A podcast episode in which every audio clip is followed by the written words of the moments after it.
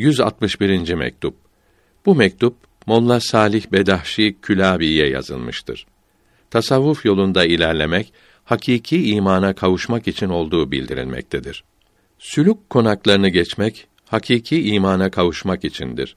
Hakiki imana kavuşmak için önce nefsin itminan hasıl etmesi lazımdır. Nefs mutmainne olmadıkça kurtuluş olamaz.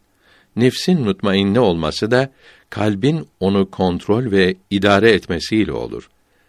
Kalbin nefsi idare edebilmesi için başka şeylerle meşgul olmaması ve Allahü Teala'dan başka hiçbir şeye bağlılığı kalmaması lazımdır. Kalbin hiçbir şeye bağlılığı kalmadığının alameti, işareti vardır. Bu da masivayı unutmasıdır. Öyle unutmalıdır ki Allahü Teala'dan başka herhangi bir şeyi kıl ucu kadar düşünürse masivadan kurtulmamış olur. Masiva bütün mahluklar demektir. Kalbi masivadan selamet bulmuş, kurtulmuş olana müjdeler olsun. Kalbin selamet bulması ve böylece nefsin itminana kavuşması için çok çalışmalıdır. Bu Allahü Teala'nın öyle bir nimetidir ki bunu dilediğine verir. Allahü Teala büyük ihsan sahibidir. Vesselam.